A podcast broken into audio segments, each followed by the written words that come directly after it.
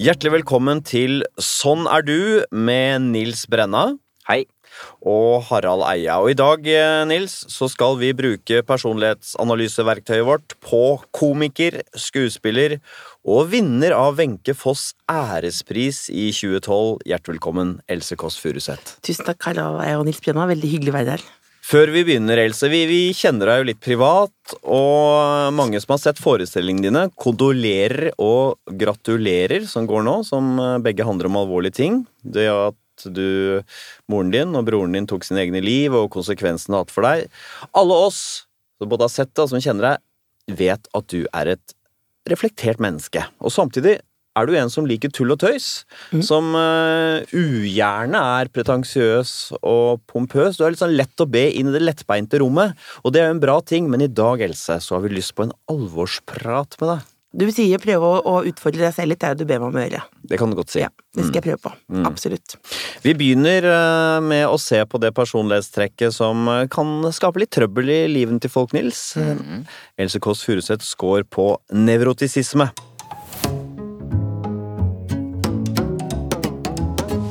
Nevrotisisme handler om hvor mye du er preget av negative følelser. Rett og slett. Og vi begynner med en negativ følelse som eh, kalles angst. Det er da tilbøyeligheten til å oppleve uro, eller engstelse, Nils, har vi begynt å si. Ja, vi har begynt å si det. Det føles litt, mer sånn, litt mindre klinisk. Tenker du at du er et engstelig menneske, at du scorer høyt her, eller er du et lite engstelig menneske? Eh, der tror jeg at jeg skårer høyt. For eksempel nå så kom jeg jo for sent eh, til denne avtalen vår nå. Da sa jeg at det var et møte. Eller jeg sa også at jeg var i barnehagen, som jeg syns er morsomt, siden jeg ikke har barn. det gjør jo folk alltid. Men det var grunnen da, var at jeg tenkte um, Har jeg skrudd av Har jeg tatt ut um, alle kontaktene? Og du tenker på sånne ting, ja. Ja, så da, det har jeg funnet en veldig effektiv måte nå, at jeg tar bilder av eh, kaffetrakteren og eh, komfyren, for å være sikker på at jeg Men tar du ut kontakten av komfyren, den der store, tjukke Nei, det gjør jeg ikke. Med, nei, men kaffetrakteren og alle lamper. Å ja, lamper. Ut kontakten? Ja. Ikke bare skrur av lyset, men du drar ut stikkontakten? Ja. Ah. Og så tar jeg bilde av det for å være sikker på at jeg ikke skal bekymre meg for det etterpå. Men tar du det hver dag? Eller? I dag glemte jeg å ta det bildet, så da snudde jeg og tok bilde. Er det sant? Ja. Yes, det var, så, så for å si det sånn, du gjetter deg selv litt høyt her. Ja, det, det og det er jo ikke noe Men sånn, hvis det skal være noe Jeg føler jeg er ganske god på sånn cut the crap, men akkurat det med brann, det er veldig konkrete ting. Mm. Det, det, for eksempel, det er jeg veldig redd for. Ja, og da smetter jeg inn med scoren. Uh, minner om den. 50 er snitt. Over 60 begynner å bli tydelig høyt. 69 svært høyt. Nærmer seg 1% høyeste, så det var, det var mer enn jeg hadde trodd, Harald. Men altså, la oss si du engster deg over brann hele tida. Så blir det vel litt urolig Jeg gjør, det, men jeg jeg gjør det ikke hele tiden. Nei, men er det andre ting, da? aller mest de fysiske tingene. Jeg leste på VG, det var vel i fjor eller sånn, at det var brann i Therese gate. Da bodde jeg der. Da var er den helt sånn sikker, så da dro jeg hjem fra jobb for å se da. Ja, du gjorde det, ja. Så sto jeg og så på Det var ikke Så det var en sånn skueliste som sto og så på. Først så bodde jeg ved siden av søsteren min. Da kom hun opp, for jeg skulle på ferie, og så at alt var i orden, og låste leiligheten for meg. Men jeg føler at jeg har en boevne. Altså, men jeg tror bare at det trigges vel det ofte av at man er alene. Så det hjelper veldig å være Jeg var ikke- sånn jeg bodde sammen med, eksempel. Nei, ok. For da blir, man jo, da blir man jo dempet av andres. Men da kanskje du tenkte at liksom. Ja, sånn, ja. Jeg skjønner. Jeg liker ikke så veldig godt å være alene sånn om morgenen og sånn. Ja, jeg skjønner. Du har gjort mye på scener og på TV og sånn. Er du nervøs da, eller? Ja, men da har jeg fått et system som er litt sånn at eh, jeg ikke skal være engstelig mer enn Utgangsfølelsen er litt nervøsitet. Veldig. Ja, fortell om eh, både nervøsitet og system. Nei, om man glemmer det man skal eh, si, eh, og om det kommer til å gå bra. Og det, Ja. det er, så, men så gikk jeg inn i en periode hvor jeg sånn grudde meg til hver dag. Mm. Og da skjønte jeg sånn, da, blir, da blir man jo litt sånn dårligere, for da blir det jo ekstremt selvbevisst, og som jo ingen vil se på. Ingen vil se på et aspeløv. Så da har jeg lagd en regel om at jeg ikke skal være redd mer enn en og en halv time, og det funker. Oh, ja, så kan bare, hva, hvordan gjør du det helt konkret, da? Nei, så Hvis jeg forestiller forestilling klokken sju, så kan jeg begynne å grue meg halv seks. Da har er det lov å begynne å grue deg. Det er lov å begynne med. Ja. Så, og det klarer du da, å få deg til å være sånn? Ja, ganske bra, men så tror jeg, blir man ikke bedre av å grue seg, men er det bare noe sånn, er det bare tull? Man, det kan hende at man skjerper seg litt eh, når man gruer seg. Hvis man gruer seg null, så er man litt forsenkte skuldre, da. Hva, Dette skal ikke handle om deg, Harald, men hva, hva gjør du? Hva er din liksom, spenningsnivå før du går på scenen og sånn? Det jeg forbereder meg på det første jeg skal si, sånn at jeg vet jeg sitter. Ja. Så da får jeg en sånn eh, fart inn der, Ja, og etter det så løsner det. Med den høye scoren så skulle man jo tro at du nesten hadde litt sånn problemer om å eh, komme deg videre, at du dveler ved ting som har skjedd, sier vår fasit. Men gjør du det? At du liksom, når noe har gått galt, at du holder fast ved det og tenker på det? Nei, det vil, det vil jeg ikke si. Og så, så er det er veldig jeg, jeg skjønner at det ofte er avhengig av omgivelsene.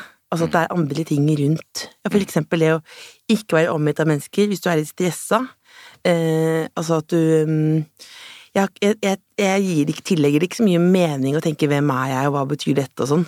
Men det, men, det, men det kan bli litt komisk eh, sammen med andre, da. Du har aldri tatt medikamenter for å dempe angsten din? Nei, én gang. Én gang har jeg fått et sånt ordentlig angstanfall. Når var det? Eh, Det var eh, Jeg husker juni 2011. Hva skjedde? Eh, Da hadde jeg vært inne på Jokeren. Jokeren ved der vi bodde. Og det ble alltid veldig god stemning Det er Jonna på Jokeren, og det var god stemning og prat. Og så kjente jeg bare at veldig, veldig svimmel. Og så kom jeg hjem. Så satt jeg meg inn på kjøkkenet, en ganske liten leilighet, og så tenkte jeg «Ah, jeg kommer til å falle ned fra balkongen. Oi. Og det er jo, var jo ikke det rommet, det var ett rom imellom. Det var helt ulogisk, og det skjønte jeg, men jeg var helt sikker på at jeg kom til å falle ned fra balkongen. Og så kjente jeg at håret mitt tok fyr. Oi, såpass, ja. Og da, da, da ringte jeg søsteren min, eh, og så, og så hun bare lo og sa ja, det er angst. og så kom hun opp to etasjer, og så For hun bodde to etasjer, to etasjer under. ja. Og da kom hun opp, og så da, øh, Jeg vet ikke om det er helt reglementert, men jeg fikk en pille da. Av henne, fra, fra hennes resept, på en måte? Ja, For hennes det- eget det angstlager, Det vet jeg ikke om jeg får lov til. å Og søstre må få lov til å dele Ja, pillene. men, altså, jeg Men hun, her, men hun ringte sin lege, faktisk, og spurte. Ok, Eh, og Så det da- er faren din, er det? Ja. Han er lege, er det ikke Nei, han er ikke, han er ikke hennes lege, men dette er kanskje ureglementert. Men jeg fikk en pille, og så så vi på tre Adam Sandler-filmer, spiste pizza, og da gikk det helt over. Og lo og koste oss, hadde veldig Hva var den pillen, egentlig? Sobril. så Sobril, bril, ja. Dette var jo sterkt, men hva var det som utløste det da? Det var øh, Det tror jeg var stress, rett og slett. Ja. Øh, og så tror jeg også at jeg kanskje hadde Jeg er ikke så, drikker ikke så mye alkohol, jeg hadde kanskje hatt en litt mer sånn festete periode. Ja, det ble tynnslitte nerver av Ja, festing. og så hadde jeg også gått ned, gått ned en del i vekt. Ja, nettopp. Så kroppen eh, kjente litt på det. Men jeg skal ikke lage sånn, og derfor så bestemte jeg meg for å ikke gjøre det mer. Nei, jeg bare tenker, er det ikke sånn Jeg tror det var helt, helt konkrete ting. At det var sånn litt mye å gjøre, litt drukket litt, ikke spist noe særlig. Ok, Ja. så en ganske sånn Ja, jeg ble noe- forståelig, oversiktlig Ja, jeg fysisk ble ikke, det gjorde meg ingenting, det, men det var jo veldig ubehagelig. Men det er ikke noe jeg tenkte mer på etterpå. Nei. Jeg, jeg er egentlig ganske fornøyd med meg selv. Ikke sant? Den derre eh, tjukkaserigreiene og sånn, den, det, syns, det er jo forslitt, liksom. Men det er jo ofte også en sånn krav til kvinnen om at man skal være veldig kroppspositiv. Eh, og det er jeg ikke. Eh, og det føler jeg også må være respekt for å være kroppsnegativ, på en måte. Ja, det er helt det er Men jeg bare spør om det, for det, det du sier er at eh, det er forslitt, eh, kanskje, men det er ikke sånn at du egentlig har noe lite selvrespekt i det heller. Nei, jeg er ganske Jeg føler egentlig at jeg er en ganske alvorlig sindig person. Det har pappa sagt til meg. Dette er flott! Men du er det! Gir dette Ja, men, mening? er, ja, men, er, Gir du, mening? ja, men er du enig? Ja, men Du mener det eller? Jeg føler jo jeg er ganske Jeg føler er ganske sånn jorda Og så er jeg føler Du er seriøs. Ja, jeg refererer kanskje litt mye til faren min. Det er kanskje dumt når man er er nesten 40 år sjøl, men, men han er veldig rasjonell type. Mm. Eh, og det, det syns jeg Det setter jeg veldig pris på, da. At han sier de tingene. Ja, og at man prøver å, å etterstrebe det sjøl, Ja. liksom. Mm, skjønner. Ja. Ja, det er vel det vi liker å se, ved deg, Elsa. den kampen mellom fjollete delen og den sånn smarte, analytiske Vi skal se på en annen underdimensjon under nevrotisisme som heter impulsivitet. Det høres jo flott ut, Nils, å være impulsiv og bli med på alt som er moro og snakke fritt, men dette handler om i hvilken grad personen gir etter for sine drifter og begjær. Ja. Kom med noen eksempler, Nils. Nei, det kan være at du ikke klarer å la liksom siste kakestykket ligge igjen, eller at du må ta deg en ekstra øl, eller at du ikke klarer å holde hva skal jeg si, holde deg unna noe seksuelt, da. Så hva tenker du, Else? Klarer du å utsette ting når du har lyst på noe, eller må du ha det nå? Det er Innenfor matgreiene der, så er det, der er det dessverre, og det er ikke ment som en vits, der er det dessverre De er helt ute av kontroll. Fortell hvordan eh, den ut av kontrollheten Nei, altså for eksempel i den samme jokeren, altså når den stenger klokken elleve, eh, så fra kvart på elleve til elleve, så er det en kamp om ikke gå ned dit eh, og, og handle eh, rett og slett noe som er sukker. Ja. Eh, Godteri og sånn. Ja. Ja. ja. Og da er det sånn, det er sånn, det er straks er liksom sånn uh, Igjen, det høres ut som vits, men hun Jonna på Jokeren hadde kjøpt inn mer av den Oreo-sjokoladen, for hun la merke til at den var noe jeg satte pris på. Den, den klarte du ikke å holde deg unna før Ja, og så måtte, jeg, ja, så måtte jeg be henne si kan du si fra til meg. Så det ble, det ble jo en veldig rar relasjon. Det er jo ganske bra bilde, fordi det er som sier, her, å holde seg unna fristelse. En ting er å ha noe liggende i skapet, ikke sant, så da kan sikkert mange ha kjent på sånn klarer jeg å la det potetgullet ligge, eller noe sånt, men du hadde rett og slett en butikk, du, rett på utsiden med masse godteri. Ja. Ja. Og det, med, med, og bare for å si tallet her, det er 61, så er det ganske tydelig høyt, ja. Så med, det, med høy score her, så vil man nettopp få problemer med å holde seg vekk fra fristelser, da. Det er en trassig følelse, det, Odd, som jeg tar ut da på på en slags destruktiv måte, og det er jo da å spise sukker. Mm. Og det har jeg, det er det ingen andre som bestemmer over. Så det er en slags sånn, er en slags sånn frihetsprosjekt oppi her Ja, også? det er det. Ja. Men er det Jeg litt skal spise hva jeg vil, ingen skal bestemme hva jeg putter i meg. Ja, og samtidig så er det jo en latskap, da. Ikke sant? Det er, jo, det er jo, det er jo, så vet jo også at det er Man kan jo Jeg syns jo med en gang man begynner å gjøre det til en sånn noe annet prosjekt enn bare til det handler om følelser, så blir jeg redd også. For da tenker jeg sånn For da kan jeg godt liksom forklare meg sjøl hvorfor det er greit og sånn. Er det ikke sånn at du har så innmari lyst på det godteriet at du kan begynne å lage deg sånne forestillinger om frihetskamp og trass og sånn i forlengelsen av at du har så innmari lyst Ja, til så på tror jeg også det er et sø, søtsug, da. Ja. Men det føler meg som sånn kamikazeflyver liksom, når jeg går forbi den derre Det er sånn sjokoladeberg på Rema 1000, liksom. Så tenker jeg bare eh, hva Da er det sånn Men så vil jeg ikke si sånn Kan dere ta bort den sjokoladen? For da er jeg jo en sånn representant. Altså, det får det være grenser, liksom. Jeg skulle ønske at jeg på en måte ikke eh, At jeg hadde en uvane Det er jo bare en uvane, da. Mm. Ja. Det er en dårlig, og det er en dårlig uvane. Er det også lettere at det blir fyra opp når man bor aleine, eller? Ja, for du, får du har jo ikke noen eh, Det er, kan jo sikkert koble det med sånn ensomhet på kvelden og sånn, Mm. men eh, jeg tror også at du ikke du har noen som sier sånn Hei. Ikke gå ned på jokeren nå. Ja, altså, Noen ganger tenker jeg at jeg burde aldri flytta hjemmefra, liksom. Men det Ja, for faren din hadde klart liksom å overtale Ja, han har jo et linsebasert kosthold. Ah, oh, ja. Veldig sånn Så du, du, du, putter i deg en god dose sukker rett før du legger deg om kvelden? Ja. Hver dag? ja, Så jeg ikke ganske normalt kosthold hele dagen. Starter helt sånn, og så går det ja. Da sprekker det liksom. Ja, sprekker det. Skulle, hadde du stemt på et parti som hadde foreslått vanlige butikker skal stenge klokka fem? Nei. Nei, du, Nei, dette det blir for dumt. ja. Hvor godt syns du godteri er? Bare for å stille litt enkelt spørsmål. Nei, det går Det er, det er en slags Det er vel et rush, da. Ja. Så det er jo litt som en rus, fordi du nevnte jo at det er også sånn, eh, eh, sånn alkohol og sånn er ikke forhold til, sånn forhold til. Annen type rusmidler Nei, for det får for, det får for store følger. Ikke sant, da får du, blir det jo det har, det har jeg på en måte ikke tid til. Og, og sånn eh, seksualitet og sånn, der lever jeg jo mer som en enke. Så det er liksom Så jeg tar alt ut. Savner du sex? Nei, ikke så Det som er, jeg tror hvis du har lite sex, så, tror jeg, så tenker du mindre mindre på det. Det er Nettopp. et trist svar, da. Ja, men det er sant. Ja, det, Ja. det tror jeg. Ja. Men jeg syns det er veldig vanskelig å komme i, i kontakt med noen og finne og liksom bli sammen med noen. Det, syns jeg er en gåte. Blir du trist av det? Ja, men jeg tenker ikke så mye på det, skal jeg være helt ærlig. Nei. Det er nok andre ting. Ja, ja, jeg driver mest med jobb, føler jeg egentlig. Ja, fordi vi skal jo komme tilbake til det snart. Dette handler jo ikke om å, å leve et dårlig liv eller være ulykkelig eller noe sånt. Eh, Men eh, Jeg sa jo i stad at jeg levde som en enke, da. Ja da, men er du ikke en glad enke? Jo. Vi, på en skala fra 1 til 10, hvor eh, tilfreds og fornøyd er du med ditt liv, Else? Sju av ti. Ja, Ja. men det er jo på landsgjennomsnittet, Nils. Ja, Tett oppunder, i hvert fall. Flott. Jeg har jo en lykkefølelse hver dag. Jeg er mest lykkelig hvis jeg går hjem med en trillekoffert og noen blomster, liksom, og har gjort noe som Hvis det var vellykket. Ja, altså underholdt, og det var vellykket, da det ble jeg veldig glad. Vi hørte på Nitimen i stad. Da, da, da koste jeg meg så mye.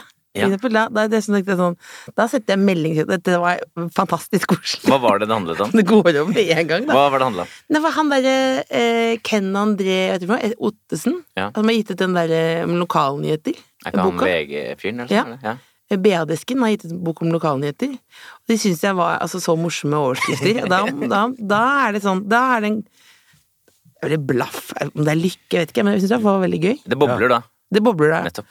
Ok, hva skal vi si, Nils? Eh, Else Kåss Furuseth, eh, hun, eh, Hun er litt eh, engstelig, og hun eh, gir etter for eh, impulser. Dette er begge nevrotiske scorer, men er hun et nevrotisk menneske sånn totalt sett? Du er sånn i gråsonen mellom midt på treet og toucha høy, altså tallet er 56. Ikke veldig nevrotisk. Hva er det som trekker ned? Det som trekker ned, er at du har ganske lav sårbarhet for stress. Altså du er ikke så innmari lettstressa. Nei. Nei, jeg ligger jo etter på alt. Eh, alle deadlines alltid. Ja. Og det er jo kanskje en uvane, men det lever jeg ganske, ganske godt med nå. Mm. Og I tillegg da, så har du da gjennomsnittskår på det som heter liksom, depresjon og, og nedstemthet. Og så har du gjennomsnittskår på sosialangst, så der er du ikke spesielt nevrotisk. Nei, det syns jo det er gøy på fest, og jeg, ikke noe Jeg er sjelden lei meg Nettopp. Og det er, jo, det er jo interessant også fordi din mor eh, slet med depresjoner, Ja. og din bror. Ja. Har du vært urolig for at du skulle ha arvet noen av de tendensene i tungsinn som de hadde? Ja, jeg er redd for at jeg plutselig skulle våkne opp en dag og tenke sånn ah, At jeg ikke, ikke syntes dette skulle være noe gøy. At Ja. Jeg blir jo veldig glad av veldig små Ikke misforstå meg, men ganske sånn små ting i Ja. livet. Så hvis det skulle bort, da, det ville jeg blitt veldig bekymret over, for da ville det blitt slitsomt. Men det vet jeg ikke vil skje, for jeg tror at eh, hvis jeg hadde blitt veldig deprimert, da ville jeg blitt det før nå. Ja. Ja. Eh, Det har jeg liksom lest meg opp på. Og så um, Og så er jeg ikke noe opp, bestemt meg for ikke å være så opptatt av det med gener. Eller pappa har sagt at jeg ikke skal være så opptatt av det. nei, men, så, nei, men at vi, er- vi, litt sånn, vi bryr oss ikke om gener i vår familie. Altså, ikke ta en gentest, liksom. Det er bare Ja, sånn, ja. hva Men du har åpenbart fått din fars eh, gemytt, da. Ja, og så jeg bestemte meg for å liksom stole helt på det, da. Eh, og så, og så bare Og så egentlig være litt sånn, ja, men så bra at ikke for at vi har kreft i familien, eller eh, at ikke du har At ikke er en hjerte- og karsykdom. Det kunne jeg jo fått. Mm. Hvis jeg sitter og spiser godteri hver kveld, liksom. Ja. Så det Ja, eller diabetes. Det burde jeg heller være bekymret for. Ja, to, da, ikke én. Ja, det er ikke en- lest, jeg har ikke lest meg på det siden femte klasse. Jeg har ikke kommet til det. Jeg hadde 2 femte klasse. Ja. Ja, Ja. Om diabetes? ja, pappa er veldig opptatt av det, så da skrev jeg hans bøker. Å, Å, ja. smart. Smart. Noen utslag her, Nils, men i sum da ikke et nevrotisk menneske, Else Kåss Furuseth. Ikke spesielt, i hvert fall. Nei. Men eh, hva med hennes score på det som handler om eh, livsglede, det som handler om det å være sosial? Hva er Elses score på ekstroversjon? Du hører på NRK P2. Dagens gjest er Else Kåss Furuseth. Vi begynner med den underdimensjonen under ekstroversjon som heter varme.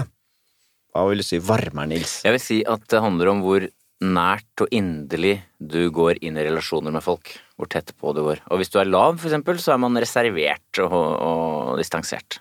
Vel, i sommer så var jeg eh, på ferie sammen med Sigrid Bonde Tusvik og mannen hennes og to barn, og kjørte gjennom Italia. Vi satt mellom to barn som gråt, eh, og de hadde på høy rappmusikk. Så tenkte jeg sånn Jeg er såpass glad i mennesker, ja. Fordi da Altså, jeg liker veldig godt det å være sammen med noen, ja. Ja, eh, da, da får du scoren 61, tydelig høy. Så du Ja. er en som scorer høyt på ekstraart varme. Det vil si at du har en kort vei til nærhet med folk, egentlig. Mm. Ifølge vår test da, så er du et menneske som knytter seg lett til andre. Du får andre til å føle seg verdifulle. Jeg liker veldig godt øh, veldig mange. Ja, du gjør det. Ja. Ja. Og du, når du treffer et menneske du ikke har truffet før, så kan du kjapt gå inn i en ganske sånn intim, fin prat. Ja, men det er vel noe Jeg har, fått beskjed om at jeg ikke er så god på lytting, eller Men det er gøy. Jeg syns jo det med erting og sånn er en undervurdert. Erting og ljuging og Altså at det er sånn eh, Det syns jeg er veldig gøy.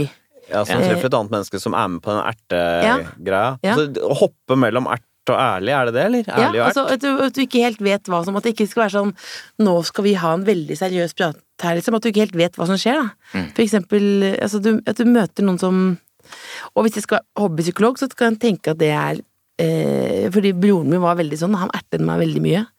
Som jeg likte veldig godt. Hvor du må være litt sånn på tå hev Ja. eh, for omgivelsene. For det blir kjedelig for deg hvis det bare er sånn eh, oppriktig sånn eh, autentisk prat med at jeg har hatt det vanskelig sist, og ja, det kan nok være Ja, jeg er iallfall veldig redd for den romantiseringen, da. Men hvordan er det når du, som er såpass høy på den her, er sammen med et annet menneske som er høy på dette, hvordan, en, hvordan foregår en sånn prat? Hvor åpne er man med hverandre? Jeg vet ikke. Det er vel ikke så mange man er helt åpne med. Nei. Det er vel sånn som eh, søsteren min sånn, er vel helt Der er det ikke noe filter i det hele tatt. For hun ligner på deg på disse tingene. Nei, hun er vel mer eh, introvert, Ja, tror jeg, men, men vi har en helt sånn Altså at du vet Det er jo noen for, Vi vet at de kan si hva som helst, og det spiller på en måte ikke noen Og da er det ikke noe vanskelig for deg å bare liksom, legge ut om det. Nei. Nei. Det, nei, det går ganske fort til eh, helt ærlige følelser. Hvor mange nære venner har du? Vil du si? Ja, ganske mange. Typ 10-15? Ja. Kanskje mer? Ja. Det er jo forskjellig Men det er jo ikke alle man møtes like ofte, men det er veldig mange jeg føler at, vi er, at jeg er nærme med. Ja, nettopp. Det er typisk eh, for folk som har høy score, har jo mange nære Ja. Før så hadde jeg bare én kampsak, og det var på en måte korps. Fordi jeg tenkte at det var sånn eh, fint, og der kan man være og, og spille selv om man er dårlig og sånn. Og det var, er jo misforståelighet, men det er litt kjedelig kampsak. Men det at det skal være litt lettere å snakke om noen vanskelige ting og sånn, det er jeg veldig opptatt av. Helt sånn Det er vel det jeg mener mest oppriktig. Ja. For det, det tenker jeg at man er liksom Det må vi liksom tåle å høre. Og nå har jeg jo lagd en serie om sånn En dokumentarserie om selvmord og sånn, og det er jo folk veldig opptatt av at vi snakker jo så mye om åpenhet sånn, men det er veldig Men tåler folk å høre at du ikke har det så bra? Det er kanskje kan vi bli enda bedre på, da. Mm. Det er ikke sikkert. At du orker å høre det. For det er jo, det er, og det er jo litt slitsomt. Mm. Altså, jeg var jo veldig bekymret for broren min i mange år. Og det er jo ikke lov å si, men jeg tror ikke faren min sov liksom en hel natt før etter at eh, han var død, da. Så da tenker Så jeg tenker at det må være liksom Ja, må bare snakke mer om det, da. Men det kan også føles litt hult. Blir det bedre å snakke om det? Men det har fagfolk sagt at det er viktig. Ja, de har jo det. Ja, altså, da var det litt frem og tilbake med det her at uh, Jeg vet at uh, hvis man har opplevd noe traumatisk, så er det ikke alltid sånn at det lønner seg å drive og snakke om og rekapitulere den hendelsen gang på gang for alle. At det Nei. kan være lurt å legge ting bak seg for noen. Så det er, det er ikke sånn entydig regel. Nei. Men iallfall at, men at man er sånn Men at man At det er mindre sånn skambelagt å ha det At noen har det døvt kanskje ute i kontor, kontorlandskapet her, det tror jeg er viktig uansett. Mm. Men at man driver Man kan fort gå seg vill hvis man bare går tilbake til gamle minner. Det, det tror jeg. Det tror jeg. Vel, på dette Altså, vi har jo målt ikke bare ekstrovert varme, Nils, men en hel rekke andre underdimensjoner under ekstroversjon også. Hvordan øh, ligger Elsa an? Hun er nokså tydelig ekstrovert, tallet er 59. Eh, Du er nær, som jeg snakket om. Du er sosial. Mm. Og så er du travel, du har liksom et høyt livstempo, det trekker opp, det er mye å gjøre, eh, høy fart. Mm. Og så har du da mye positive følelser, det har vi vært innom. Du, det, liksom, det bobler ganske lett i deg. Du går Hør på Nitimen, så er du fylt av glede, ja. Ja, det er noen sånn eh, Det er noen eh, ja, noen sånn korte Men når var det, når var det sist lykkelige? Sånn Nei, jeg opplever det ganske ofte, føler jeg selv. Ja. Hallo? Ja, jeg er også på min målestokk, som er kalibrert litt annerledes. Men ja, jeg, det var senest i dag, det. Men jeg kan, jo, jeg kan jo si at eh, faktisk representerer vi hvert vårt nivå her. Du representerer høyt, jeg representerer midten, Harald representerer lavt akkurat på disse tingene. Men kan du bli lykkelig av høstluft? Ja. Det, åh, det er sånn crisp luft. Ja, og jeg Ja. husker veldig godt uh, far jeg jeg var i Nordmarka og syklet. Så kom vi opp på en sånn åskam, og så plutselig så er det sånn frisk luft med sånn forvarsel om vinter og herlig. Når det gjelder selvmarkering, altså sosial dominans, så er du på snitt. Der er, du er ikke spesielt dominerende, der er du på snitt. Og så det som heter spenningssøking, altså mm, sånne fysiske ting eh, som eh, rafting og alt mulig sånn, så er du også på snitt. Ja, det liker jeg jo ikke i det hele tatt. Nei. Da har vi fastslått det, Nils, at Else Kåss Furuseth er midt på treet, litt opp på nevrotisk. Hun er ganske ekstrovert. Men så skal vi inn på det personlighetstrekket som kanskje kan kastes lys over hennes kunstneriske virksomhet. Her er Else Kåss Furuseths score på åpenhet for erfaringer. Åpenhet generelt handler jo om eh, nysgjerrighet på nye erfaringer, nysgjerrighet på ny kunnskap, men eh, også den underdimensjonen vi skal begynne med, nemlig åpenhet for følelser, hvor mottagelig man er for egne følelser, men også for andres følelser. Hvilken rolle følelser spiller i ditt liv? Det er alt, eller? Ja, du svarer alt. Ja, er det ikke, jeg føler at følelser er det som styrer meg Ja, jeg stopper Ja. deg der. Det, du har fått et eh, tydelig høyt tall, 63, så du er tydelig høy på opptatt følelse, er helt riktig. Ja. Mm. Nei, det er jo det, det er ikke noe, ofte ikke en intellektuell tilnærming til noe, men det er en, noe som jeg syns er gøy helt som jeg ikke helt vet hvorfor. Nei, det kom, du kjenner da- på en følelse. Og da stoler du på den følelsen mer enn at du Ja, ja hvis i hvert fall Jeg stor- tester det, da, om noen ler. Men eh, ja, og så er jeg jo veldig opptatt av sånn eh, Når jeg har forestilling, sånn, så jeg, ser jeg jo veldig på hvordan folk sitter og følger med og sånn. Men det er vel kanskje selvopptatt igjen nå, da. Man må jo prøve å ikke glemme man, Er ikke det målet at man ikke skal tenke noe på omgivelsene sine? Det er noen som sier det. Jeg må tenke mer, men noen må tenke mindre. Det Men det, men det ligger jo i dette her at man tar inn, ganske lett tar inn andres stemninger. At man, setter, man kan liksom kjenne på det. Så det er jo litt det du gjør der, da, kanskje. Ja, det blir jo rolig øh, andres øh, Ja, for det er en slags uro knyttet til eh, registreringen av andres følelser. Eller? Ja, det, ja, det Ja, kan men du tar jo inn andres glede òg. Ja, ja, ja, ja. ja, ja, ja. Du Ja, Det er andre mennesker som gir livet mening. Ja, Nettopp. Men eh, når du står opp om morgenen eh, Jeg skårer selv lavt på dette her. Ja. eh, Så hvordan kjenn, Beskriv hvordan disse emosjonene farer gjennom deg, hvordan du forholder deg til dem. Da hørte jeg først på Radioresepsjonen øh, da, og da koser jeg meg også sykt, liksom. Ja, for da slår det innmari hardt inn på ditt følelsesliv. Ja, og da glemmer jeg det andre. Også Hvordan det- slår det inn? Da tror du du blir glad av det, eller er det sånn? Ja, jeg syns det er sykt, det sykt gøy. Men, så, men sånn gjennom en dag videre, da, hvilke ulike stemninger er du liksom innom? Kan, kan du beskrive det for Nei, er jeg koser meg. Jeg tar jo litt for mye taxi, sånn, det koser jeg meg veldig med. Jeg Ja. syns, jeg syns at det er så deilig. Ja, det, det heftig jeg bare er sånn at man syns det er sånn luksus. Ja, sitte og ha en sjåfør, liksom. Ja, liksom, det er sånn det er det.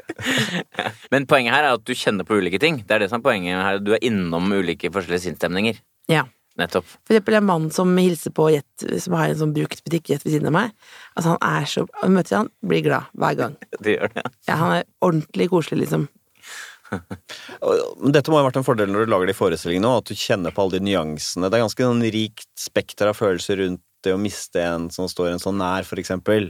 Ja, så er det jo det når noe er sånn eh, Jeg vet ikke om det er riktig, men når noe er ordentlig trist, da, så blir jo det der akkurat de der nyansene med noe som er gøy, det blir bare ekstra takknemlig for. Mm. Altså at det er noen sånne små Mm. Altså for eksempel det ble helt altså, en eh, begravelsesmann som gikk i fleecejakke, liksom. Søsteren og jeg pratet så mye om det, liksom. Så det ble bare da Et oppheng, da. Ja. En av fra begravelsesbyrået begravelsesbyrået. Vi skulle se broderen dø, eh, og så ble jeg ordentlig sint, for han hadde på seg fleecejakke.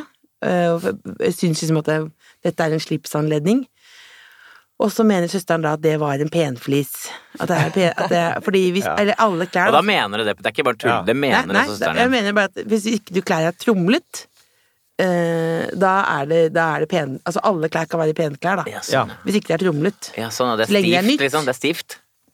Det, og det syns jeg, og det gjør jo på en måte den, den opplevelsen til noe annet enn det den egentlig er, da. Ja. Og det ble jeg veldig glad for. Ja, nettopp. ja, og der, fordi du har sånn forstørrelsesglass på følelser, så ser du de nyansene som kanskje ikke andre helt legger merke til. Ja, eller bare rett og slett at Jeg, tror, jeg har ikke tenkt så analytisk på det, men jeg syns det bare rett og slett er- ble veldig gøy. Ja. I noe oss midt i det triste, da. For det som er interessant her, er at du, du nevner det selv ikke analytisk. Fordi du har da den kombinasjonen av svært høy åpenhet for følelser og svært lav uh, skorp på det som er intellektuell nysgjerrighet.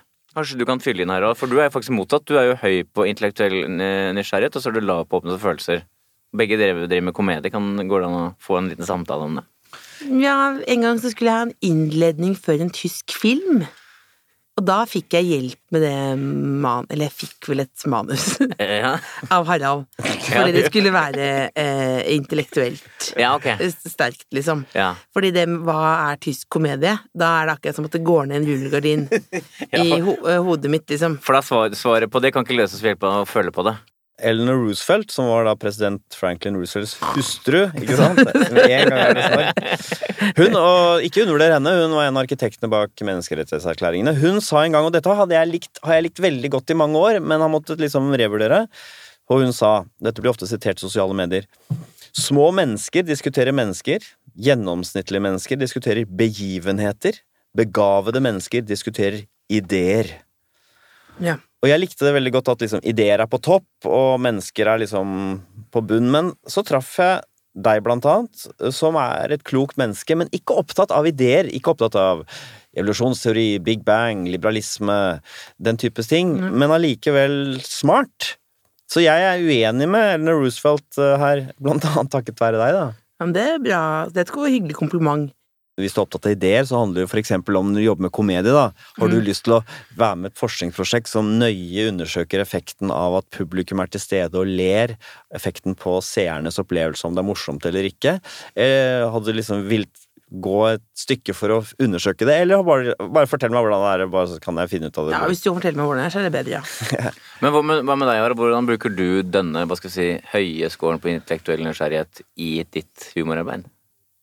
Ja, veldig ofte så er det sånn at jeg hører en eller annen mening folk si, da, eller, eller skrive eller noe sånt, så tenker jeg at dette her henger ikke helt på greip. Det er noe som skurrer her. Det er noe de Dette sier de bare fordi de egentlig mener noe annet, eller Så jeg finner liksom huller i resonnementer. Ja. Mens Else lytter kanskje mer til underteksten. Nils Else Kåss Furuseth, er hun et utpreget åpent menneske, vil du si? Hun er ikke et utpreget åpent menneske, men hun er ikke det motsatte. Eller hun er helt på snitt når det gjelder åpenhet. Ja. Eh, Du er høy på følelser og høy på fantasi. Og så er du lav på intellektuell nysgjerrighet. da. Eh, Så er du på snitt når det gjelder estetikk, det vil si kunst og sånn. Og så er du på snitt når det gjelder å gjøre nye ting. Og når det gjelder verdier, altså om du er veldig tolerant liberal eller ikke, så er du også på snitt. Ja. Så du er på snitt når det gjelder åpenhet for erfaringer. ja. ja.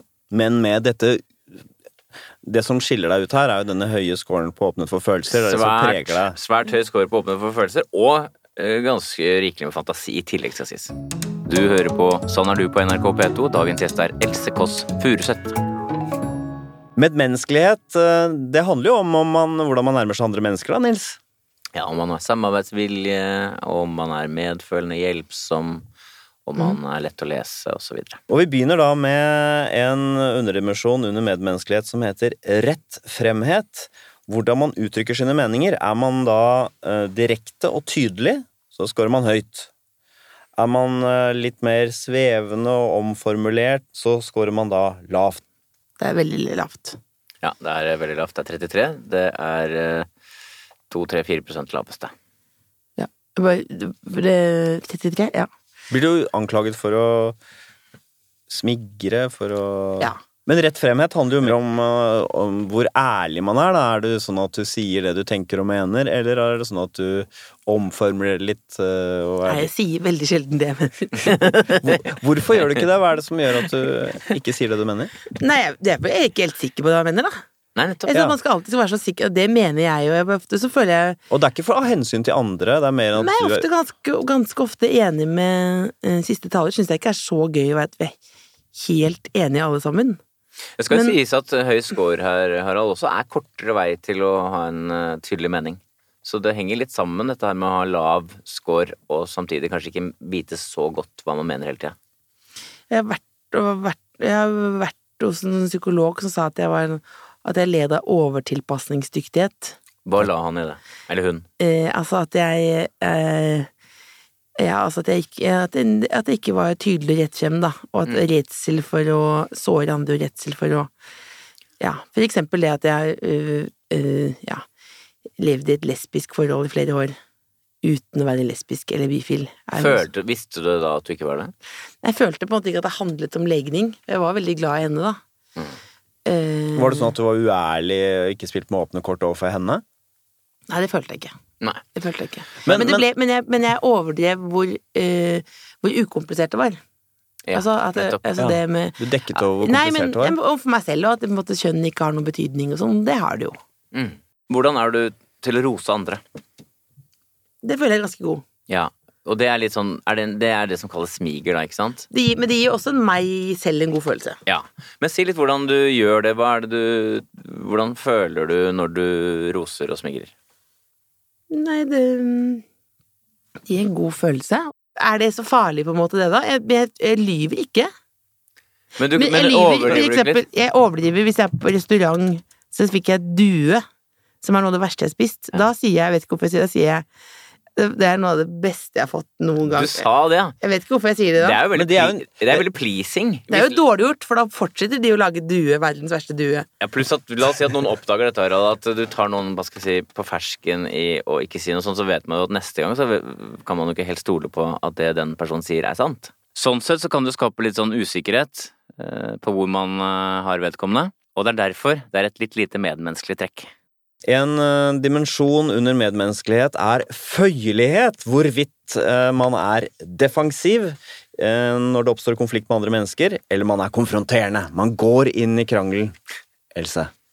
Ja, det, det, da Det er føyelig, ja. Jeg, Ja. jeg krangler ikke, det syns jeg Nei, Det syns jeg er si- veldig behagelig. Jeg kan si at det er 62 tydelig høyt på føyelighet. Altså, dette er du ikke så glad i. Nei. Fortell. Nei, altså, det krangling, det, ja, det er Jeg kan huske liksom på ja, to hender, da, de gangene jeg har kranglet sånn ordentlig. Ja. Det er, jeg synes det er veldig ubehagelig. Ja, for da er det, fortell litt om det. Hvordan er det. Når er det ubehagelig? Nei, jeg eh, blir eh, veldig opprørt, rett og slett. Og blir liksom helt sånn litt sånn oppløst. Altså av eh, Men jeg føler jo at kritikk og sånn, det, det liker jeg veldig godt. Ja. Ja. Tror jeg, Å få eller å gi? Jeg får. Ja. For det gir meg da, det blir det, da føler man seg veldig sett, ikke Ja. sant? Noen av jeg tar det på alvor. Ja. Noen sier til meg det, det der var ikke bra nok, så stoler jeg jo på den personen. Men hvis det oppstår noe friksjon, hvis det oppstår en krangel, trekker du deg ut av den da, eller? Fort? Ja, da, ja, ja det det, Jeg husker ikke helt når sist jeg kranglet med noen sånn uh... Ja, det er jo interessant, det er fordi jeg er ikke sånn Jeg er ganske lav på følelse. Jeg, kan- jeg har vært i en del sånne krangler sjøl. Jeg kan merke på folk at de ikke syns det er noe særlig. Jeg kan Mm. merke det på det. Jeg kan merke litt på Harald, faktisk. Han er jo overraskende litt konfliktsky. Han liker ikke det så godt. Så det er en slags sånn ubehag man får over seg, virker det som. Mm. Ifølge vår test så vil folk som har så høy score som deg, iblant ha vanskelig for å vise sinnet sitt, Ja. eller å sette grenser og stå på sitt. Begynner å gråte. Det, men det føler jeg bare er en sånn øh, Hvis du blir sint, så begynner du å gråte. Ja. Men kan du ikke si litt om det, for du, du fiendtlighetsskåren din, bare for å ta deg hvor sinnet ligger, der er du på snitt, så det er ikke sånn kjempelite av det, faktisk. Ikke mye, eller, men på snitt så det er en del, ikke sant? ja. Så hvordan er det da når det er der, og du kommer da i en sånn situasjon hvor du skal ut? Nei, kan jeg si det, kan jeg si til noe, så sier jeg jo unnskyld med en gang etterpå, så blir det jo veldig rotete. Ikke sant? Det blir jo ja. Det var en Ja. sånn derre øh, var en sånn promo som var helt fin, men det var sånn En reklamefilm. Ja, reklamefilm lagde jeg om at man, en serie skulle ha eh, at man, En serie som skulle gi deg lyst til å leve, som jeg laget, og så da Og så sa jeg ja, det var synd at den promoen ga meg lyst til å dø, da, sa jeg. Som var selvfølgelig en veldig overreaksjon. Veldig Og det føler jeg er typisk noen aldri har sagt fra om noen ting, plutselig så bare blir det altfor stor reaksjon. Da måtte jeg jo jeg si unnskyld etterpå. Med en gang, Til liksom. hvor Til den personen jeg sa til, ja. Ja, ja, ja. Ja. Og nå fikk jeg dårlig Nå må jeg si unnskyld igjen nå, for jeg er igjen nå. Så må jeg si unnskyld. Hvordan er det for deg å være sammen med folk som er glad i konflikt. Som liker å krangle litt? Nei, det synes jeg jo. Jeg har jo ganske mange venninner som jeg som jeg føler liker det veldig godt. Vi kan, vi si, kan vi ikke ta det helt konkret? Sigrid Bonde Tusvik er vel en som ikke er så veldig redd for en Hun liker jo det godt, ja. ja, Og hvordan er det med dere da, når det Nei, det, vi har jo vært venninner i kanskje i, i 20 år, da. Mm. Så det, det funker jo øh, veldig bra. Men jeg føler at hun oppdrar meg litt på det Ja. feltet, på en Men har måte. dere havna i sånn kranglesituasjoner? Ja?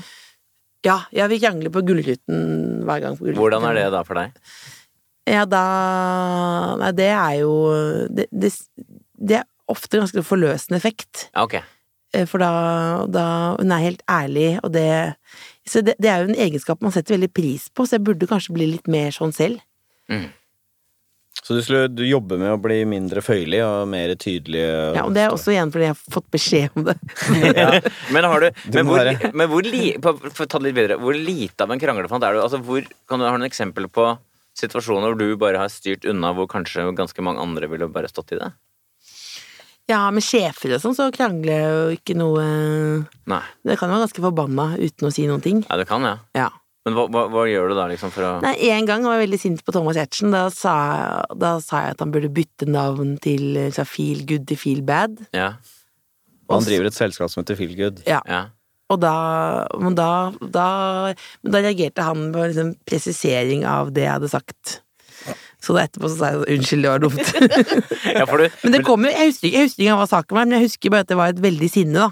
Men du føler da at du må si unnskyld etterpå likevel, når det kommer ut Ja, men det, men det prøver jeg jo, det virkelig prøver jeg å slutte med. Ja. For det, er- det er ikke bra. Men når alt dette er sagt, så er det ikke så ofte det skjer heller at det kommer Nei. til overflaten. Nei. Det er ikke så mye Nei, krangling er ikke så mye Men det er jo Jeg syns det var veldig ubehagelig da jeg var i et forhold, for eksempel. Ja. Da var det For da var det det hun mente var på en måte sånn debattstemme, mens jeg var kranglestemme. ja. Så, da, Akkurat, og så ble jeg sånn Vi krangler ikke på restaurant. Altså jeg ble veldig, jeg ble veldig sånn Så jeg ble en irriterende type, da. Ja. Ja, men det er interessant den distinksjonen her, egentlig. Fordi jeg kan godt tenke meg at en del som har høye score, syns at det blir krangel når det bare drar seg til litt i intensitet, da. I Ja. stemmen. Så da, men da jeg begynner å gråte, og det, men det bare skjer. Ja. ja. Bra, men du har fått streng beskjed om å være mindre konfliktsky, og da har du gitt etter for det presset. ja. Men konfliktsky blir jo ofte tatt fram som en man, man kan flotte seg med det som en fin egenskap. Men det er det jo ikke. Torvald Stoltenberg sa jo det, verden hadde vært et mye bedre sted hvis det var flere konfliktsky. Ja, da, så da, så det men det kan jo også være, brukes som en unnskyldning, kan det ikke det? Hvis man er rotete eller ikke tydelig eller Jo. Jeg, det er, jeg er veldig konfliktsky, skjønner du. Beklager. Jeg, tenk, jeg tenker at øh, det vil jo Det gir jo ganske god flyt hvis mange ligger godsida til, liksom. Tross Ja. alt. Tenker jo det. Jeg syns jo mange er liksom litt opptatt av grenser og sånn, som overdrevet opptatt av sånn ting som ikke er så viktige. Mm, Hva kan det være, for eksempel? Nei, altså at man ikke skal bli tråkket på og sånn. Ja, Ja. det, Jeg synes det, er- det er jo litt gøy å bli trukket på. Mm, det er sant, det. Det er en under- litt undervurdert glede. Du er jo ekstraordinært uh, Jeg liker det, men det er jo gøy Ja. Du vet at det ikke er noe ondskapsfullt ligger bak. Nei, det er jo bare gøyalt at det skjer noe. Ja. Altså, det er jo veldig mye Veldig mange timer Ganske mye som er kjedelig i livet, da. Det mener jeg. En uh, annen uh, underdimensjon under medmenneskelighet er det som kalles for altruisme. Altså i hvilken grad man viser genuin omsorg for andre, og man er villig til å hjelpe andre med deres bekymringer og problemer. Mm. Er, du, er du noen altruist, eh, Else? En som gjerne hjelper andre, eller skårer du litt lavt her? Jeg tror jeg er ganske hjelpsom. Ja. Mm. Men kanskje eh, mest mot mine nærmeste, eller? Ja, du setter en grense. Det, det er riktig, og da skal vi litt nedover. Vi skal til 38, som er ganske lavt, ja. Oi, det var skuffende. Er Så det jeg kan være helt ærlig. Jo, men øh, det er mange som ikke scorer så høyt der. Men du setter en grense. Du, du har noen, nær, noen av de nærmeste, og der er du hjelpsom, men så går du kanskje ikke så langt ut derfra, så koster det litt. Det var veldig skuffende, synes jeg. faktisk. Er ikke noe som er skuffende Jo, her? det er det. Ja, Det er- jeg har et det er- ideal selv, så Jeg skal bare si en ting. Du er ikke lav på empati. Så du, du fanger opp og føler med, men når Du gjør ikke så mye med det, bare. Det passer ikke så godt med det bildet jeg har av meg selv, det må jeg innrømme. Hva kan det være, da? Hva Ja, fordi du er, du er altså da ikke noe glad i konflikter, så sånn sett så er du veldig sånn medhårs og sånn grei, på en måte. Ja. Men her så virker det som du sitter litt stille i båten når det først trengs å ta i et tak. Men det er jeg ikke enig i. Nei, det er ikke det. Nei, men, men, men jeg Jeg mener at eh, hvis noen er i en krise Ja. Krise, ja, men la oss si litt Ikke er sånn krise, da, men at Gidder du hjelpe meg med det? Gidder du og hjelpe med å flytte og sånn, ja, det, det gjør jeg ikke lenger. Han passer bikkja. Det er ingen som spør meg om eh, Ja, nei Jeg har vært på ganske mye barnevakt for venner og Ja. uh, Men liker du å hjelpe andre mennesker? Nei, jeg kanskje ikke er Å, nå tenkte jeg på, tenkte på bestemor. Jeg burde vært mer i besøk hos bestemor, føler jeg. Ja, ok. uh, men eh, det, var, dette, det er lov å si at man blir skuffet. Ja, ja, ja, det er lov, Absolutt. det. absolutt. At jeg føler jeg er en god venn og sånn. Ja. Men jeg, men jeg kanskje er litt sånn Jeg blir jo ofte Det er en venninne som sier at jeg, jeg dobbeltbooker ofte. Jeg utsetter eh, Ja, sånn. Jeg er kanskje ikke så god. Men er du Kan, kan man dette Å, her kommer det et hardt ord. Eh, eh, kan man sånn sett si at du er en slags egoist? Ja, det vet det tror jeg. Det kan man si, ja. Ja, det tror jeg, det, det tror jeg nesten er uunngåelig hvis du bor alene over lengre tid ja. og jobber med å prøve å finne på morsomme ting, liksom. Så blir du jo veldig opptatt av deg og ditt, da. Ja, nettopp. Fordi det er det som Er ikke det riktig, da? ja, men det motsatte av altruisme er egoisme. Altså sånn sett så Burde fanger ikke alle det. få et barn? Sånn at du kan få liksom huet ut av egen ræv? Det fins jo, jo folk som har barn som er egoister òg, da, skal sies. Ja. Men Ja, eh, det er ikke noen kur nei. mot Nei. egoisme. Men det hjelper, gjør ikke det? Jo Men I vil du tro en del, i hvert fall en del menn har jeg sett uh, Ja, men ellers så er det jo sånn at vi har vel Ellers så har vi jo kanskje kommet fram til at folk som driver med Som er kunstnere eller i den retningen, blir litt eh, egoistiske fordi jobbene er liksom De tar en del plass, og det er ikke noe å fire på, liksom. Så det kan jo hende at det er litt sånne ting òg. Ja. Eh, Da jeg var i da jeg var i et forhold, da får man liksom sett litt på nært hold hvor man er. At jeg er veldig Jeg sier sånn Ja, det er ingen som dør av akkurat, da. Ja. Altså, jeg kan jo bagatellisere andres problemer, ja, det kan jeg. Sa hun at du var egoist? Ja, det, det ja, Hun er veldig Hun er ikke så streng som det, men hun sa vel at jeg eh, jeg, Ja, ikke direkte, men kanskje implisitt. Hva da? Du tenker mest på deg sjøl? Er det sånne ting? ja, men, ja, men det, det er nok liksom litt sant eh, Jeg kan bagatellisere i hvert fall andre ting. Hva skal vi si, er Else et medmenneskelig menneske, som det heter, Nils? I sum så er det på snitt når det gjelder medmenneskelighet. Eh, Du er lav på litt lav, litt lav på altruisme, og så er du litt lav på det som heter rett fremmet. Det vil si at du kan ikke nødvendigvis sier direkte og ærlig hva du mener til enhver tid. Og så er du da høy på følgelighet. Du er gjennomsnittlig tillitsfull og empatisk. Og så er det en touch av lav score på beskjedenhet, altså der det er 44, så er det touch av ubeskjeden. det er jo grusomt. Midt på treet er vel ikke grusomt? Jo, dette er grusomt. Ja, og lavt er jo heller ikke grusomt, Harald. å... Dette hang ikke sammen med mitt selvbilde i det hele tatt. Men ha, Hva er det som, hva er det som ja, for du har et avviker? selvbilde her. Om, å- hva sier dette selvbildet? Nei, jeg tenkte at det var litt rausere. Raus er du jo, vil jeg si. Ja. Ja. Er det sånn at øh, Er dette en litt sånn mørk hemmelighet at folk oppfatter deg som For du har vært gjennom mange ting og ikke vært redd for å dele, og du er jo et veldig sjarmerende menneske. At folk oppfatter deg som et enda mer sånn snilt og hjelpsomt menneske enn du er. øh, og fordi du ikke vil skuffe, så oppfører du deg som du er et, men egentlig så er du litt mer kyniker. Er det noe der? Ja, nei, for jeg, tror i hvert fall at det er en sånn overlevelsesstrategi, da. Hvis jeg skal bry meg veldig mye om alt mulig, så tror jeg jeg ville blitt veldig trist. Ja. For det skjer med empatiske mennesker. De kan bli utbrent. Ja. Men jeg tenker at man kanskje er litt mer opptatt av å ha det gøy og sånn, da. Kanskje. Ja, det er- Helt ærlig. Da jeg tok den testen første gang, så fikk jeg litt sånn sjokkerende, syns jeg selv, lav score på noen av de tingene du har fått lav score på, da. Mm. Og da spurte jeg psykologen har det noe å gjøre med at jeg har hatt en søster som har hatt rusproblemer, og hvor jeg på en måte har måttet lage et litt sånn hardt skall og pa passe Mm. på at jeg blir usårbar, og da litt Jeg fikk delvis det bekreftet, Mm. men det jo, gjelder jo ikke alle som har opplevd vanskelige ting. Men jeg opplever det at jeg kan være rask med å skru av hvis jeg merker at dette kommer til å ødelegge for meg eller såre meg på en eller annen måte. Så nei, dette går ikke. Har du noe av det samme Ja, i hvert tendensen? fall, jeg, som sagt, jeg er litt redd for den der at man eh, Altså når du snakker om gener eller nå, for eksempel, nå er jeg like gammel som moren min eh, var da hun tok livet sitt. Hvis jeg begynner liksom jeg, gjør, jeg blir jo fristet av å tenke litt på det, for jeg syns det er interessant, men samtidig så er jeg jo redd for Jeg vil ikke ha de svarene. Jeg, vil, eh, jeg er veldig opptatt av å ha det bra, da. Mm. Det Ja, er jeg. ja. Ja. Fordi det Du- motsatte syns jeg, det motsatte synes jeg er eh, Skaper en voldsom uro i meg. For eksempel, for eksempel hvis jeg Mest konkrete er hvis jeg ringer og noen ikke tar telefonen. For eksempel, det, det, det Altså, for eksempel, hvis noen Da tenker du at de har tatt livet sitt? da, ja. Mm. Da tenker, så da, da, så da, da blir jeg såpass sint at da blir jeg Da, da tenker jeg sånn Nei, men da er ikke vi så gode venner. For det kan, det kan jeg ikke okay. Ja, det, kan jeg ligner jo på det. Det kan jeg ikke leve med, på en måte. Nei. så, så Ja. da dro jeg hjem til en fyr. Han var liksom på, på date, liksom. Men jeg bare for, Mens jeg trodde at Da får du lyst til å kutte av det båndet der, fordi Nei, jeg blir, det det blir jeg veldig såret av, på en måte. Men jeg også syns også ved stikksetning eh, det der med at jeg liker å ha det veldig bra. Det er jo, Ja. sånn- det er jo, det er jo liksom Det oppsummerer ganske mye, tenker jeg, da. Både fordi du liker å ha det bra, men også fordi at det å ha det bra er så bra som en kontrast til mye av det du opplevde, kanskje. Ja, det, altså sånn, jeg, jeg mener jo ikke at det å miste noen er jo Det gjør jo alle hele tiden, men jeg tror i hvert fall det lever med en sånn bekymring.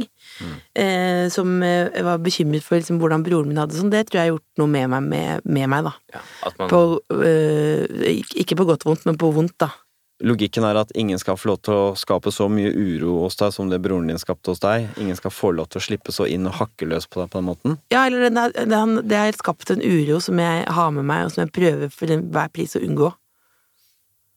Ja, Ja, Else, du er bitte litt eh, nevrotisk. Du er ganske ekstrovert. eh, Sånn, eh, midt på treet, høy på åpnet for følelser. Midt på treet, medmenneskelig. Hva med dette trekket som gjør at du kan få til ting, gjennomføre planer?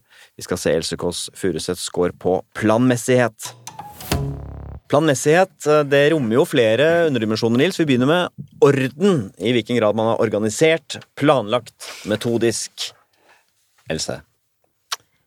Ja, jeg, jeg eh, måtte le når du kom med den kategorien, fordi jeg har et sånt um, gjesterom hjemme, som jeg, liksom der skal, hvor gjester skal sove.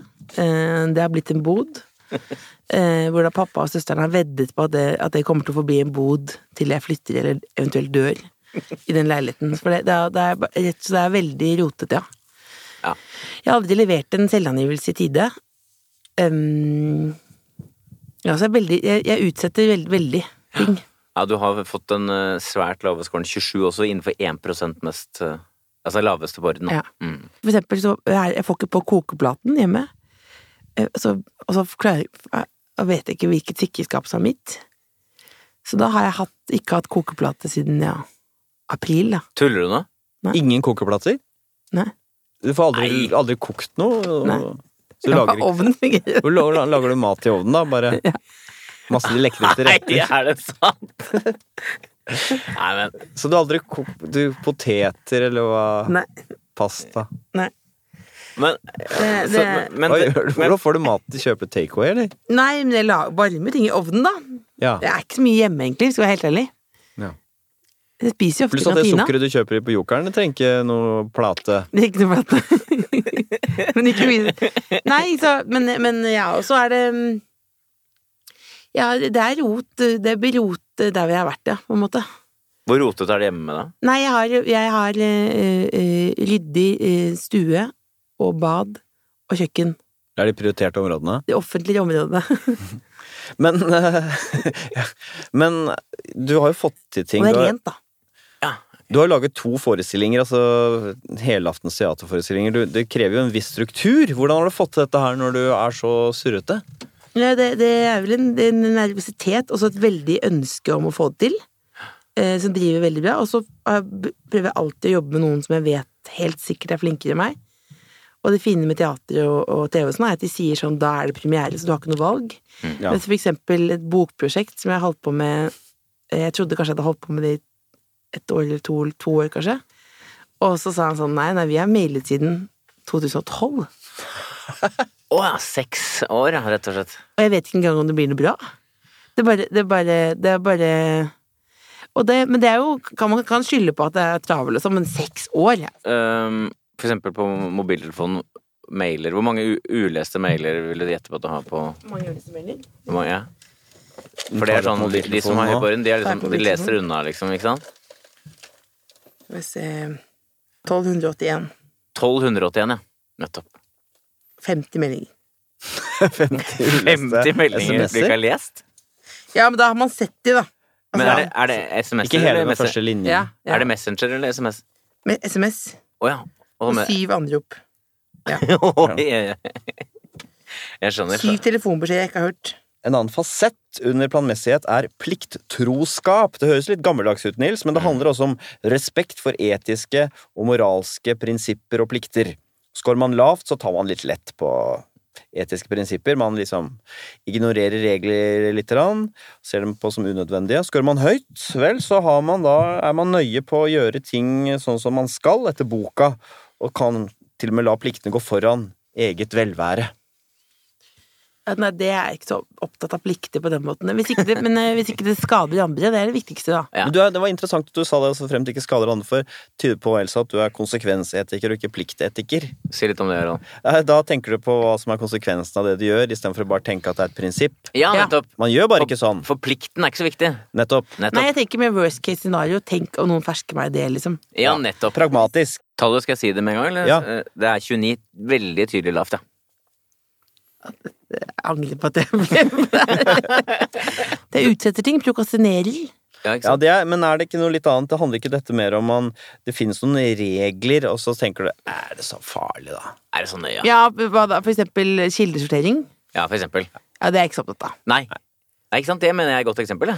Jeg tenker, jeg, jeg, jeg tenker jo veldig ofte er det så farlig, ja. Nettopp. Vel, hva skal vi si om Elses planmessighetsscore, Nils? Ja, er det noe du er, Else, så er, du, så er det svært lav på planmessighet. Det er din aller tydeligste faktorscore. Eh, 28 innenfor 1% laveste. Tror det er den laveste vi har hatt eh, inne i vårt studio, Harald. Ja. Eh, Du er lav på orden, du er lav på selvdisiplin, du har lav pliktfølelse, eh, du er ubetenksom, du tenker deg ikke så nøye om før du handler. Vet, Den fasetten som er skyhøy sammenlignet med de andre fasettene, men den her er altså bare på snitt, tross alt, det er det å være ambisiøs. Så du er relativt sett veldig ambisiøs sammenlignet med de andre fasettene, men du er på snitt når det gjelder ambisiøsitet. Vi er kommet til eh, veis ende her, Nils. Vi må forsøke å oppsummere dette sammensatte mennesket Else Kåss Furuseth. Det er jo flere scorer her som fanger opp hvem du er. Det er det at du er ganske engstelig. Eh, Det preger deg en del. Og så er det det at du eh, er ekstrovert. Altså du har veldig eh, sans for eh, det som gjør deg oppstemt. At du blir veldig glad, og du er glad i mennesker, å være sammen med mennesker. Du er nær og til stede. Det er på en måte det tydeligste trekket ditt. Og så er du da dette følelsen at det spiller så stor rolle i livet ditt, mens at ideene, det, det føles fort litt sånn tungt og pompøst for deg. Um, og så er det denne litt sånn pussige medmenneskelighetsscoren hvor du er veldig konfliktsky, da. Mhm. Eh, og litt sånn uklart om du er et eh, altruistisk menneske eller ikke. Vi fant vel noe interessant der, Nils. En liten sånn halvegoist. Ja. Um, og så er det dette forferdelige rotet i livet ditt som du ble sjokkert over. Det gruer meg veldig til at noen andre skal høre dette her nå. Jeg gjør det. Ja, det, ja for det er, jo ikke, det er jo ikke så hyggelig, men samtidig er det så farlig, ja. Ja, nettopp det. ja. Det er det som oppsummerer. Else Kåss Furuseth, tusen takk for at du kom til oss. Takk skal du komme.